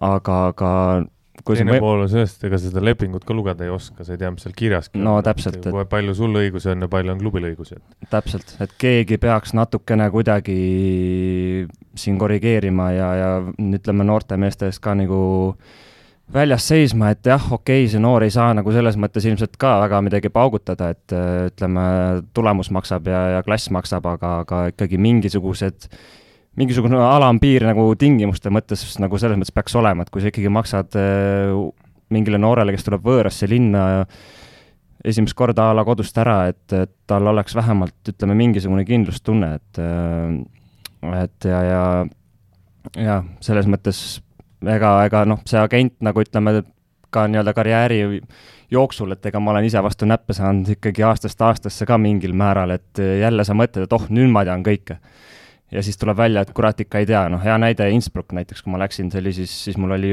agent juba teine aasta. sõlmisin lepingu, üks pluss üks leping äh, ja, ja siis, kui hooaeg läbi sai, tulime meistriks, läks päris hästi endal mänguliselt see finaalseeria, meri tundus põlvini, mõtlesin, et oh, nüüd ma panen küll Prantsusmaale siit otse näiteks. tuli välja, et äh, pluss üks tähendas seda, et klubi otsustab ennem Aha. kui mina ehk siis minu läbirääkimised olid sellised, kus ma ütlesin, ma soovin minna, ma ei teadnud tol hetkel, kuhu ma lähen enda arust, aga ma ütlesin, ma soovin edasi liikuda oma karjääris, siis öeldi selle peale, jah, anna minna, mine kui soovid, aga sa pead enda järgmise aasta lepingu välja ostma. jah, ja siis sa jäid sinna teiseks aastaks? no loomulikult, no see sellist summat mul ei olnud kuskilt võtta päris karm ikka, jah. aga et neid punkte ja neid asju, no see on, see on selles mõttes, mida kõrgemale ja mida kauem sa selles karussellis oled, need, seda rohkem sa hakkad neid detaile ja asju nagu jälgima ja, ja ütleme, ütleme, et tippmängijatega tegelikult ma arvan, et läbirääkimised kestavad päris kaua, noh, sest seal aetaksegi nii-öelda seda asja lõhki mingis mõttes, et mängija teab, et see allkiri pannakse paberile ühe korra, aga sa pead sellega vähemalt aasta elama. Rivo, kuidas äh, sinul on kogemused veel hilisemast ajast? Me oleme kusjuures käinud selle Rene teema jätkuks, me oleme käinud välja kunagi Eesti Võrkpalli Föderatsioonile mõtte, et tehagi selline kolmest-neljast inimesest koosnev äh, grupp, kes aitaks nõustada noormängijaid. kus siis võiks olla, noh, Kaarel Kais on ju, kellel on siis juristiharidus, eks, näiteks ma ei tea, Jaanus Nõmsalu, kes sellele, selleks hetkeks oli ise läbi rääkinud miljon lepingut ja veel mingid sellised mängijad, kellel on reaalselt kogemust, kes saavad aidata kogu selle lepingu ülesehitamise kõikide selle poole pealt, et ei tekiks situatsioone selliseid, kus on noor mängija, kes äh, kirjutab alla viieaastase lepingu ja tänu sellele tegelikult pikas perspektiivis Eesti võrkpall kaotab. sest klubil on kõik õigused, tal ei ole mingit õigust, ta üks aasta öeldakse talle, et jah, et noh, väga hea punkt on lepingutes üldiselt on see, et äh, et et äh, vaadatakse ümber leping järgmise aasta hooaja alguses ja kõik noormängijad mõtlevad seda, et see ümbervaatamine tähendab seda, et sa saad viie soti asemel miljoni kohe. et sa saad juurde, aga see ümbervaatamine võib tähendada seda, et see võetakse vähemaks mm. -hmm. ja selliseid situatsioone on olnud. kas sa siis ei saa midagi vastu vaielda või? sa ei saagi, sa oled sinna pannud oma allkirja alla ja sul viieaastane leping. ja siukseid asju on olnud ja, ja, ja on ja olnud ja, ja, ja, ja sellepärast tuligi, sealt see mõte tuligi, et pakkuda nagu abi, et sa ei kirjutaks alla paberile, kus on lõpuks on niimoodi, et kui sul sokke kaasas ei ole, on ju, klubi sokke kaasas ei ole, sa saad soti trahvi aga kui klubi jääb äh, palga maksmisega hiljaks ja tänu sinule, sina, tänu sellele sina ei saa maksta midagi, kus sinule, siis klub ütleb üles, ütleb sorry, aga meil ei ole praegu mm. -hmm. et sellega on jah, see ja kõige hullem oli veel mingi periood oli sihuke, et a la oligi, et ühel aastal maksti ära mingi raha ja järg, kui sul oli leping veel, et siis järgmine aasta öeldi, et okei okay,, et aga ühe euroga siis oled nõus mängima, enam-vähem niimoodi. ja kõige hullem on see, et, et siin noh, see on, see on juba nagu veits nagu naljakas ka, et ma ei tea, mille pärast see on jäänud, on ju, see on mingist, võib-olla mingist vanast ajast, et aga kui sul oli leping, mingi võistkonna, no näiteks praegu, et, et äh, Nuut tuli Selverisse, aga ikkagi oli vaja minna ja mingile paberile võtta Uku allkiri mm.. et noh, et tal ei ole mitte mingit siduvat lepingut enam, aga kuna ta tuli sellest võistkonnast Eesti-siseselt, siis on vaja nagu eelmise klubi mingit äh, allkirja. ja noh, minu, ja kõige hullem oli see, et vahepeal, et et needsamad äh, kellele enam palka maksta ei tahtnud, aga ta oli näiteks lepinguga seotud ühe võistkonnaga, ta tahtis järgmisesse klubisse minna. see järgmine klubi pidi maksma siis sellele eelmisele klubile, ma ei mäleta, kaks tuhat või tuhat viissada eurot. et äh, justkui klubi tegelikult seda mängijat enam ei taha, aga ma nüüd võtaks ta eest ikkagi raha mina nüüd hakkasin mõtlema lihtsalt, kui Kaarel Kais tõesti, inimene, kes isegi oma need, äh, ta käis meil saates siin ükskord ja rääkis, kuidas isegi need äh, liiklustrahvid, mis ta on saanud kiirusuletamise eest, on kõik nulli rääkinud, kuna alati on mingi punkt, mille üle saab vaielda. ja kui ma võtan Jaanus Nõmsalu kui äh, sellise väga hea veenmisoskusega ilmselt inimese, tervitused talle siinkohal, et kui need hakkasid meie noort, noormängijate palku üle rääkima, siis ma arvan, et meil on enim teenivamad mängijad olekski sel hooajal Mark Saru Rauno Haidla ja, ja võib-olla siis veel, keda sealt varust võtta no,. ei, nad ei pea rääkima palka üle, et selle palgasüsteemi saab teha täpselt samamoodi nagu näiteks Rivo, ma tegin nalja. ja ma saan aru jaa, aga, aga, aga selle palgasüsteemi saab täpselt teha nii, nagu on, ma ei tea, NBA-s on ju. väga hea näide, sa ei saagi saada rohkem. kui sul on esimene või teine aasta, siis sa tead, sa ei saa kuskilt üle saada sa mängid esimesed kaks aastat ära ja siis sul saab minna nagu see järjest suuremaks. no aga NBA on maailma kõige kõvem üld, nagu see, võib-olla see palgateema ei olegi nüüd nagu see, see teema, palgateema just, ei ole, just, just see, et kas, kuidas me saame nendele nagu mängijad, kuidas need mängijad saavad ise nagu kasulikud olla, noh, et, et okei okay,, klubile mm -hmm. ja, ja nende enda tuleviku nimel, et noh, selge on see, et nagu siin väga palju rõhutada, rõhutakse, et kogu see liiga, et on ikkagi ju sellel mõttes ehitatud sellele, et meie noored läheksid ja ja läheksid parematesse liigadesse ja nii edasi ja nii edasi, aga, aga teatud asjad, mis siin nagu on, et pärsivad seda, et kui siin mingid osad pikad lepingud ja siis nõuame, ma ei tea, kümme tuhat eurot, et kui ta tahab kuhugile teise klubisse minna ja nii edasi, et noh, et, et seal oleks nagu nendele noortele natukene abiks, et, et kuidas seda siis nagu lahendada, et kas, kas ma nüüd kirjutan lepingule alla, et ma saan praegult nelisada eurot ja teen üheaastase lepingu või et teen kolmeaastase lepingu ja, ja saad kuussada eurot kohe alguses, et kas see kakssada eurot, mis sa saad mm -hmm. Nüüd mängib nii palju rohkem rolli, et ma võib-olla järgmine aasta läheksin välja, aga ma pean sealt kümme tuhat nüüd ära maksma. Polegi nii palju teeninud terve selle aja kokku. noh, paraku see tähendab seda, et tahetakse seda pikemat ja kohe raha, rohkem raha, aga noh, ongi see, et ega noh, selles mõttes noortel endal on natuke tuhka pähe, et no näiteks minu juurde ei ole keegi pöördunud kordagi, et küsida abi, küsida abi, räägime läbi, mis iganes, et ma ei tea, kas, ma ei tea, peljatakse, kardetakse, mis iganes, et aga, aga mina küll olen isiklikult äh, Gerdiga näiteks korduvalt rääkinud, kes mm -hmm. selleks hetkeks oli läbi tule ja vee käinud juba ja, ja mul küll ei olnud probleemi helistada talle ja küsida, kuule, Gert, mis sa arvad.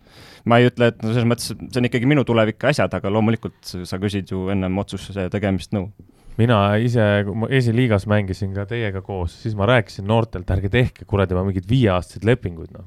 segased olete peast või? Et kui teid huvitab, kui klubi tahab teid nii väga endale saada, siis ta tahab ka järgmine aasta teid endale saada. et äh, kui te seote ennast praegu mingi kohaga ära, siis teil tulevikus läheb, kõik asjad lähevad raskemaks, kõik asjad.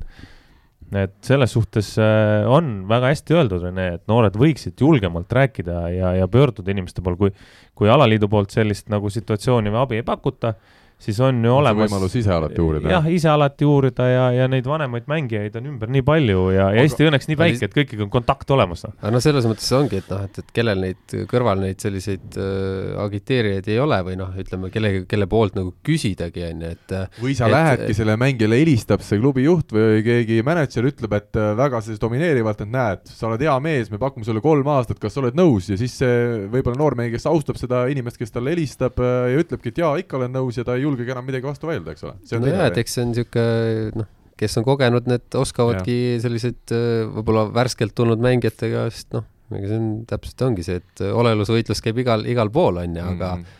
aga noh, päris karm on jah, et ega mina ise samamoodi, et olen ühe korra võib-olla ka kirjutanud niisugusele äh, lepingule alla, kus ma arvasin, et äh, Pärnu teab, et ma kirjutan Selveri, see oli ka see, see samamoodi selle Euroliiga värgi kohta onju, aga lõpp tuli, lõpuks tuli välja, et tegelikult nagu ühelt poolt ei teadnud üks ja te, teiselt poolt teadnud teine, et aga, aga oledki nii selles mõttes loll, et ahah, kui väga respekteeritud inimesed ütlevad, et aga meil on nii räägitud ja nii on, onju, siis, siis, siis sa kuuladki ja, ja no selles mõttes, et noh, pärast võib-olla oledki tark, minul ei olnud, sellest ei olnud nagu vahet, onju aga võib-olla kellelegi teisele võib nagu see väga karmilt kätte maksta mina olen ühe lepingu teinud niimoodi, äh, see, kui ma läksin Pärnust ära Audentesesse, siis, siis Audentese pak-, Audentes pakkus sellise noh, kõige tavalisema lepingu, mis kõik klubid kuskilt äh, andmebaasist välja prindivad, on ju, ja lasevad al allkirjastada. ja mina lasin tuttaval juristil üle vaadata selle, ütlesin, et tee oma korrektuurid palun ja, ja noh, aita lihtsalt mind mm, -hmm. sest mhm. ma Pärnuga oli, oli situatsioone, kus noh, mul ei olnudki praktiliselt mitte mingeid õigusi, et klubil olid ja. kõik õigused, on ju. ja, ja siis ta vaatas üle, lisas sinna ühe lehekülje, kus olidki põhimõtteliselt minu õigused, mis siis juhtub, kui klubi jääb palgaga hiljaks, mis siis juhtub, kui klubi teeb seda, seda, seda, seda. Äh, kui noh, näiteks klubi ei võimalda minule äh, normaalseid treeningtingimusi, kui klubi ei võimalda minu arengule vastavaid mingisuguseid asju, on ju, mis mm. tegelikult sportlase jaoks on ülitähtis nagu üli-ülitähtis, et, et sul ei ole, klubi vaatab sind kui võib-olla ühe-kaheaastast projekti, on ju, või kolmeaastast projekti, aga sinu karjäär läheb sealt edasi. ja kui sa mingi hetk, noh, klubi mõtleb, et nagu Andres ütles, et tühja, et tegelikult see, meil ei ole mõtet jänata sellega, et võtame teise mehe selle asemele, on ju, siis sa jäädki sinna venima ja, ja kui ma läksin selle, siis võtsin selle lepingu, läksin selle lepingu tagasi Audentese klubi juurde siis nad vaatasid mind üsna suurte üllatunud silmadega, oot-oot, et mis see nüüd on. sul on ka nõudmised? et sellist asja ei ole me küll ennem näinud, siis ma ütlesin, et aga nii on, et mina lasin, teil on omad asjad, mul on omad asjad, lasin üle vaadata, allkirjastasime lepingu ära ja, ja noh, mitte et nüüd midagi öelda Audentse klubi kohta halvasti, kõikidel klubidel sellel ajal oli see, et noh, jäid palk seal üks päev, kaks päeva, kolm päeva hiljaks. Et see ei, ei, ei, ei olnudki üldse võib-olla nende viga, et igalt poolt mujalt liikusid rahad nii, nagu liikusid ja mina olin üks vähestest mängijatest, kellel oli päevapealt või päev varem, kui oli päev, palgapäev sattus Olemas. pühapäevale, siis ma sain reedel palga kätte. ja, ja puhtalt ma arvan, et see oli sellepärast, et mul oligi konkreetne leping, millega ma sain minna ja öelda, sõbrad, palun mm. -hmm aga saate viimase küsimusena, Rivo, ikkagi räägi nüüd sellest Venemaa koondise lepingust ka, et kuidas, äh, kuidas seal need numbrid on, ma saan aru, et see on rublad aga sind nulle on ikka nii palju, et sa tegelikult see lepingus, sul tuli kaks paberit panna kokku, et need nullid kõik sinna ritta mahuksid. ma arvasin dollarites ei, rublades on ikka. ei ole, rublades on lepingud, rublad ees on lepingud ja ei ole nii palju nulle ei ole, mul on äh, selline klassikaline seesama Kreisi raadio leping, võta, aga pane tagasi Gert Ämapets peaks teadma küll seda. Gert Ämapets teab, mina ei tea, kuhu see kaheksasada miljonit lõpuks kadus, aga, aga raha on kadunud ja see ei ole mingi kolm viiskümmend, nagu klassikud ütlevad. sul need mõõtjad on ikka veel Pärnu lahe peal seal? ikka siiamaani on ja ennustame ka kolmapäeval äh, ehk siis, äh, mil see eetrisse läheb, meil see saade on kohe Tallinna Tehnikaülikool võõrustamas Saaremaad, tuletan meelde, TalTech jätkab kodus kaotuseta sel hooajal. kas tuleb ka võit Saaremaa üle? Andres vaatab selliste, sellised, ma ei teagi, mis silmad need on, sinised silmad vaatab otsa, ei ole. keegi on kinni löönud või pakume täpset skoori, nii on vähe lihtsam. pakume. ma võin alustada? nii. natuke pakuks niimoodi, et Saaremaa äh, on siin häid võite saanud äh, nii ühe kui teise vastu ja, ja nad tunnevad ennast nagunii enesekindlalt, aga seekord pakume nüüd ka veidi lohakalt ja nad annavad ühe game'i ära. kolm-üks. Saaremaa võidab siis. Saaremaa ikkagi võidab, võidab., üllatuslikult võtab võõrsil võidu TalTechi üle, kes jätkab äh, kodus kaotuseta. nii ma pigem arvan, et see võib olla mingi teatud hetk närviline mäng, aga, aga Saaremaa võidab kolm-null. nii, Rivo, äh, mängu huvides sama ei tohi pakkuda mis okay. on juba öeldud, see on nagu Kristjan Jõekalda ütleb, et Erki Nool, see on ainult üks kord tuleb lahti. ahah äh,, jälle taaskord äh, diskrimineeritakse aga okei okay,, noh siis kui mängu huvides ei tohi nii öelda, siis ma, ma pakun kolm-kaks ja TalTechile ja puhtalt seepärast, et see on maru maru ebamugav saal, kus mm. tegelikult mängida, mis võib mängida rolli. kas ta siis ka mängis rolli, kui sina seal mingil äh, Balti liiga Final Fouril seal ühe servi Selveri eest lõid, siis olid ka tundsid, et see ei ole mugav saal? ei, minul oleks, mul saalis ei ole vahet, mängija ikkagi servib, mitte saal okay..